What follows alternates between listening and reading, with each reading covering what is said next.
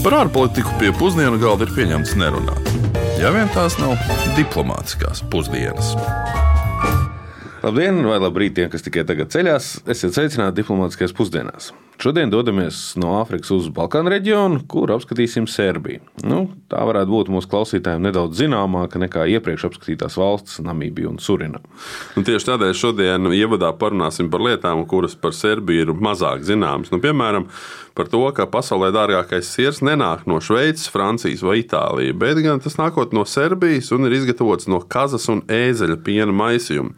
Uh, Sīru sauc par pulē, un cena tam ir 1000 eiro kilogramā. Nu, sālītas viesmaizīte varētu būt. Nu, salīdzinājumā valsts IKP uz vienu iedzīvotāju ir aptuveni 18,000 eiro kas ir apmēram 10,000 eiro mazāk nekā Latvijai, un attiecīgi aptuveni 1 kg siera mēnesī ar mazu maizīti ārlai paliek.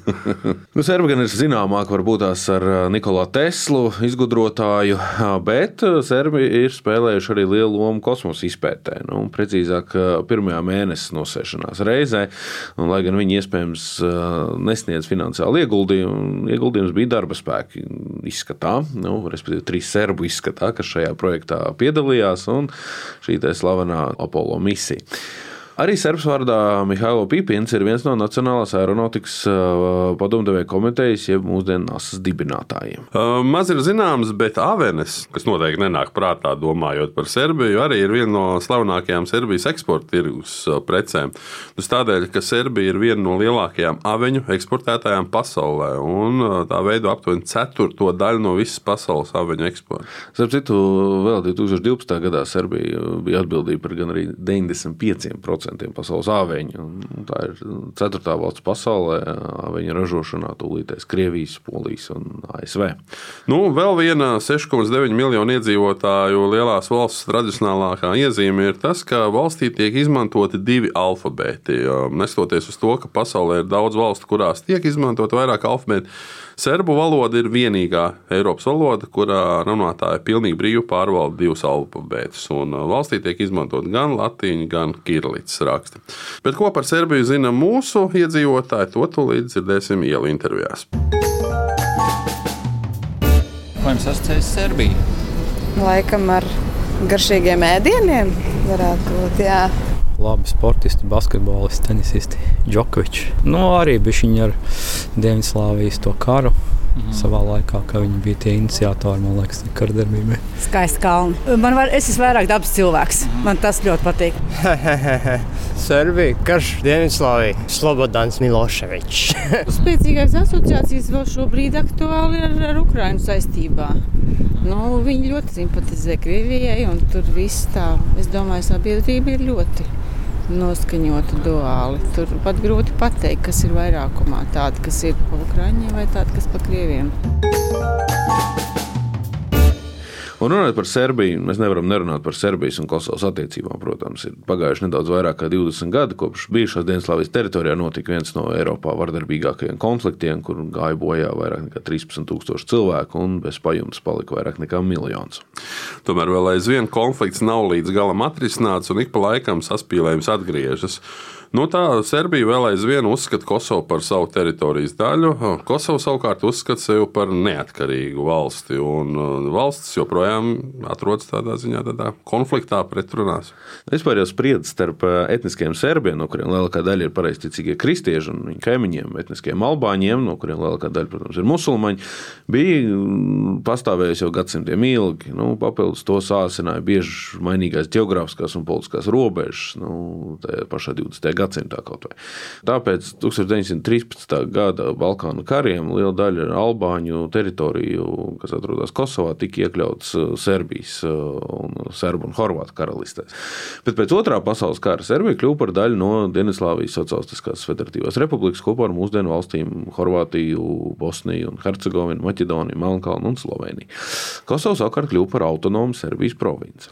Konflikts gan pats pasliktinājās 80. gados, kad sāka pieaugt pieauga spriedze Serbijas iekšienē, jo kosovieši vienkārši centās palielināt savu neatkarību. Savukārt, serbu nacionālismu pieauguma dēļ citi aicināja nemierīgo provinci nodot stingrākai centrālajai kontrolei.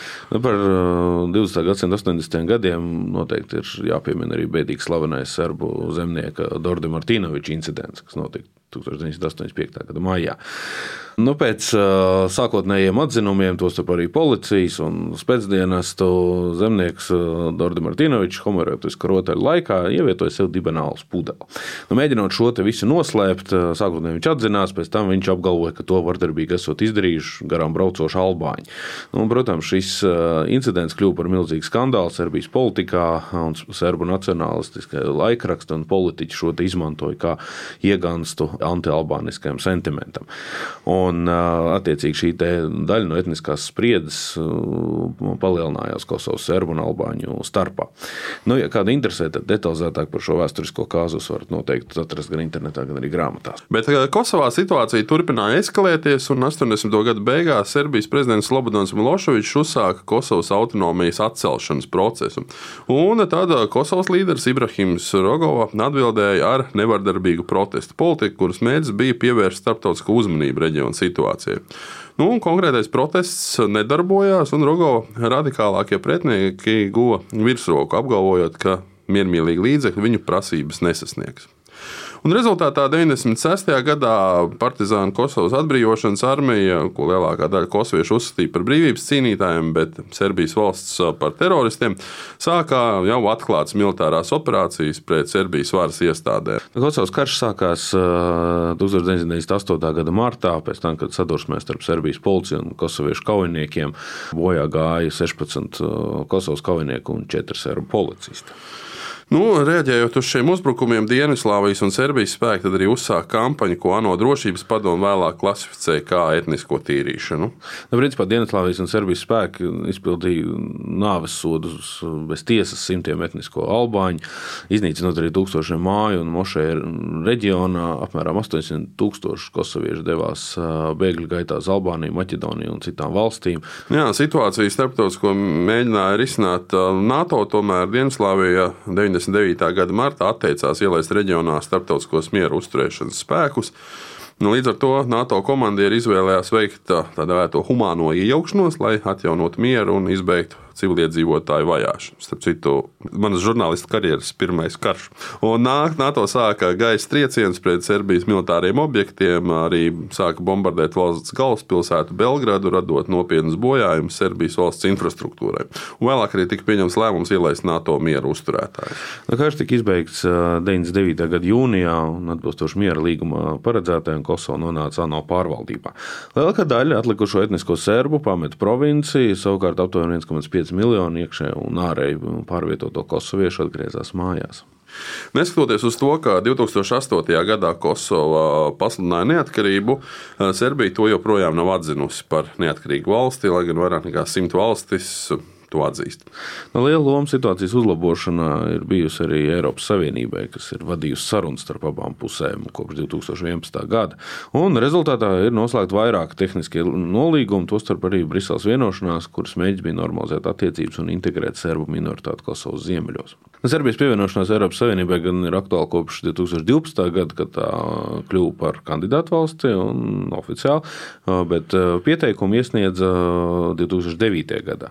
Tomēr, protams, tieši šis Kosovas konflikts bija lielākais šķērslis tam un joprojām paliek Serbijas pievienošanai Eiropas Savienībā. Un Serbijas valdība ir gan paziņojusi, ka Kosovas statusu nevajadzētu saistīt ar Eiropas Savienības sarunām, to zinot ES institūciju pozīciju un sarunu vadīšanas taktiku. Nu, tas, protams, ir negatīvi ietekmējis šīs sarunas.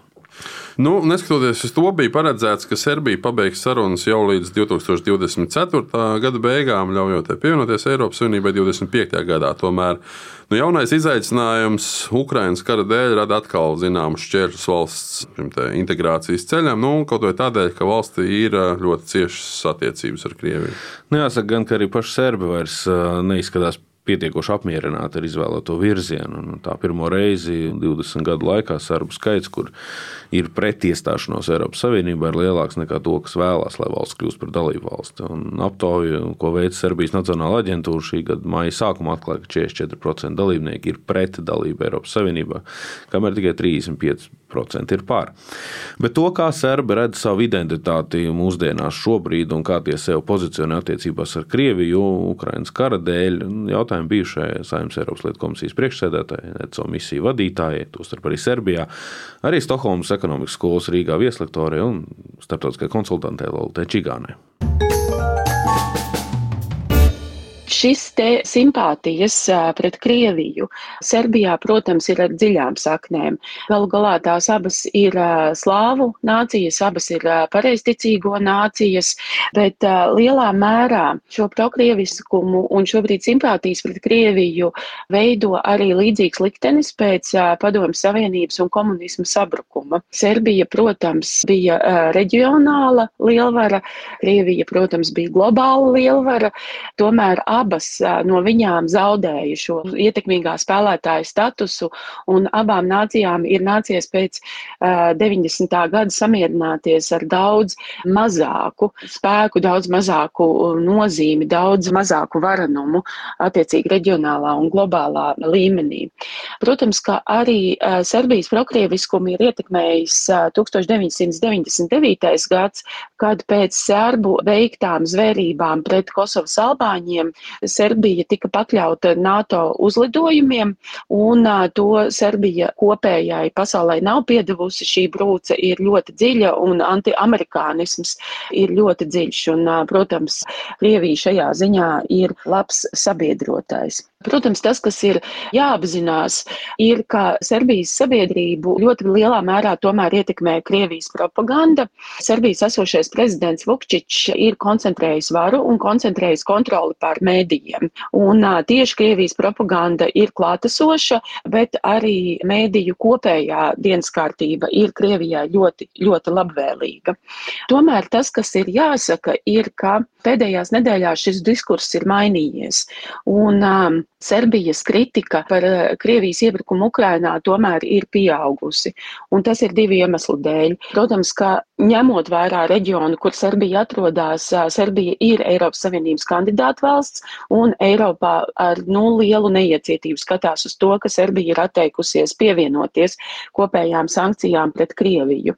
Tieši tāpatās arī šo te retorikas maiņu, kas ir novērojama pēdējās nedēļās, ir ietekmējis tas, ka šobrīd Kremlis un Putins ar uh, savu karu Ukrainā ir kļuvis uh, nu, par tādu izraidīto, par tādu apsmieklu, par neveiksminieku. Un, uh, protams, ņemot vērā to, kāda politiķa tips ir Serbijas prezidents Vukčičs, Vukčičs noteikti nav tas politiķis, kas gribētu draudzēties ar zaudētājiem. Tā kā šī tendence, ka vēlās nu, sirsnības un mīlas jūtas pret Krieviju, nu, tās liesmas tiek slāpētas un apdziestā, tā ir patiešām vērojama. Mūsdienu Serbijas politika atrodas kā, nu, divās spīlēs, varētu teikt. Precīzāk sakot, valsts ir mēģinājusi saglabāt nu, daudz maz neitrālu politiku, mēģinot līdzsvarot attiecības starp Maskavu, Pekinu, Briseli, Vašingtonu. Nu, tomēr šī brīža apstākļos tomēr arī Serbijai būs jāizvēlas kāda no pusēm. Un, lai valsts varētu tālāk attīstīties, Serbijas interesēs, protams, būtu veicināt Eiropas Savienības integrāciju. Nu, arī tādēļ, ka Eiropas Savienība ir neapšaubām lielākais Serbijas naudas devējs pēdējo 20 gadu laikā, piešķirot vairāk nekā 3 miljardus eiro. Papildus Serbijas un Kosovas attiecības kārtējas sasaistes saspīlējums turpinās satraukt arī starptautisko kopienu. Nu, redzēsim, cik uzticams sabiedrotais Serbija būs arī Maskava. Lai cik būtu paēdis, vienmēr ir vieta arī desertam. Ir pienācis laiks arī desertam, un šodien parunāsim tieši par laiku. Precīzāk, gan par pulksteņiem, protams, bet uh, mēs, kad mēs domājam par pulksteņiem un pulksteņu izgatavošanu, mēs visbiežākā gadījumā veidojam asociāciju ar Šveici, tāpat kā ar Sieru ievadā runājam, un, protams, šveiciešu pulksteņu meistariem. Tomēr izrādās, ka mums vajadzētu domāt arī par serbiem un serbu pulksteņiem, jo patiesībā Serbijas pulksteņu ražošanas nozare ir vecāka par pasaules slaveno Šveices pulksteņu ražošanu. Un tieši Serbi izveidoja sabiedrībai brīvu pieejamo pirmo mehānisko pulksteni. Nu, cilvēks, kas uzbūvēja mehānisko pulksteni, bija Serbs Lāzars, kas bija serbu pareizticīgo mūks un horologs. Un izveidoja viņš šo pulksteni jau tālākajā 1404. gadā, kas bija nu, divas desmitgades pirms šveicieši sāka ražot savus pulksteņus. Starp citu, no chronoloģiskā viedokļa raugoties, ir uzskatāms, ka Serbs Lācars bija otrajā vai trešajā vietā no aptuveni 1200 ievērojamākajiem Eiropas pulksteņu meistariem. Nu, par šo pašu pulksteni jau runājot konkrēti, tad Lācara mehāniskais pulkstenis bija viens no pirmajiem desmit šāda veida pulksteņiem Eiropā un pats pirmais Krievijā. Tas tika izgatavots pēc Maskavas lielkņaza Vasilija I lūguma. Šis pulkstenis atradās Lielkņaza pilī Maskavā un mērīja laiku 217 gadus pēc kārtas bez kļūdām. Un pulkstenis tajā laikā tika uzskatīts par īstu tehnisku brīnumu. Nu, tas bija pirmais ar atspēru mehānismu darbināmais pulkstenis, jeb triecienu pulkstenis, kā arī tas bija pirmais publiski pieejamais pulkstenis. Sapratu, šis pulkstenis rādīja laiku ne tikai stundās, bet arī pa ceturkšņiem, un tajā laikā minūtes nekur citur gan arī netika mērītas. Nu, jāsaka, gan, ka šī pulksteņa oriģināls nav izdzīvojis līdz mūsdienām, jo tas gāja bojā ugunsgrēkā. Tomēr pulksteņa kopija ir atrodama Highlandera klosterī, kur glabājas bagātākā servu viduslaika kultūras kolekcija. Starp citu, pulksteņa mehānisms gan joprojām darbojas. Un ar šo laika ziņu uh, ir pienācis laiks noslēgt arī mūsu raidījumu. Un, uh, nākamajā nedēļā jau mēs dosimies uz uh, Jemenu, kurā, kā tiek uzskatīts, uh, jau daudzus gadus notiek tā dēvētais aizmirstais karš. Atgādināšu tikai, ka mūsu raidījums ir klausāms podkāstos, arī Latvijas Rādio mājaslapā un nu jau kādu laiku arī jaunajā Latvijas Rādio lietotnē, jeb aplikācijā. Ar jums kā Alašu kopā bijām mēs, Uģis Lībijams, Latvijas Rādio un dr. Kārls Bukovskis no Latvijas ārpolitikas institūta. Raidījumus palīdzēja veidot Rihards Plūme un Aleksandra Palkova. Uz sadzirdēšanos pēc nedēļas. Lai izdodas! Diplomātiskās pusdienas katru otrdienu pusdienos Latvijas Radio 1.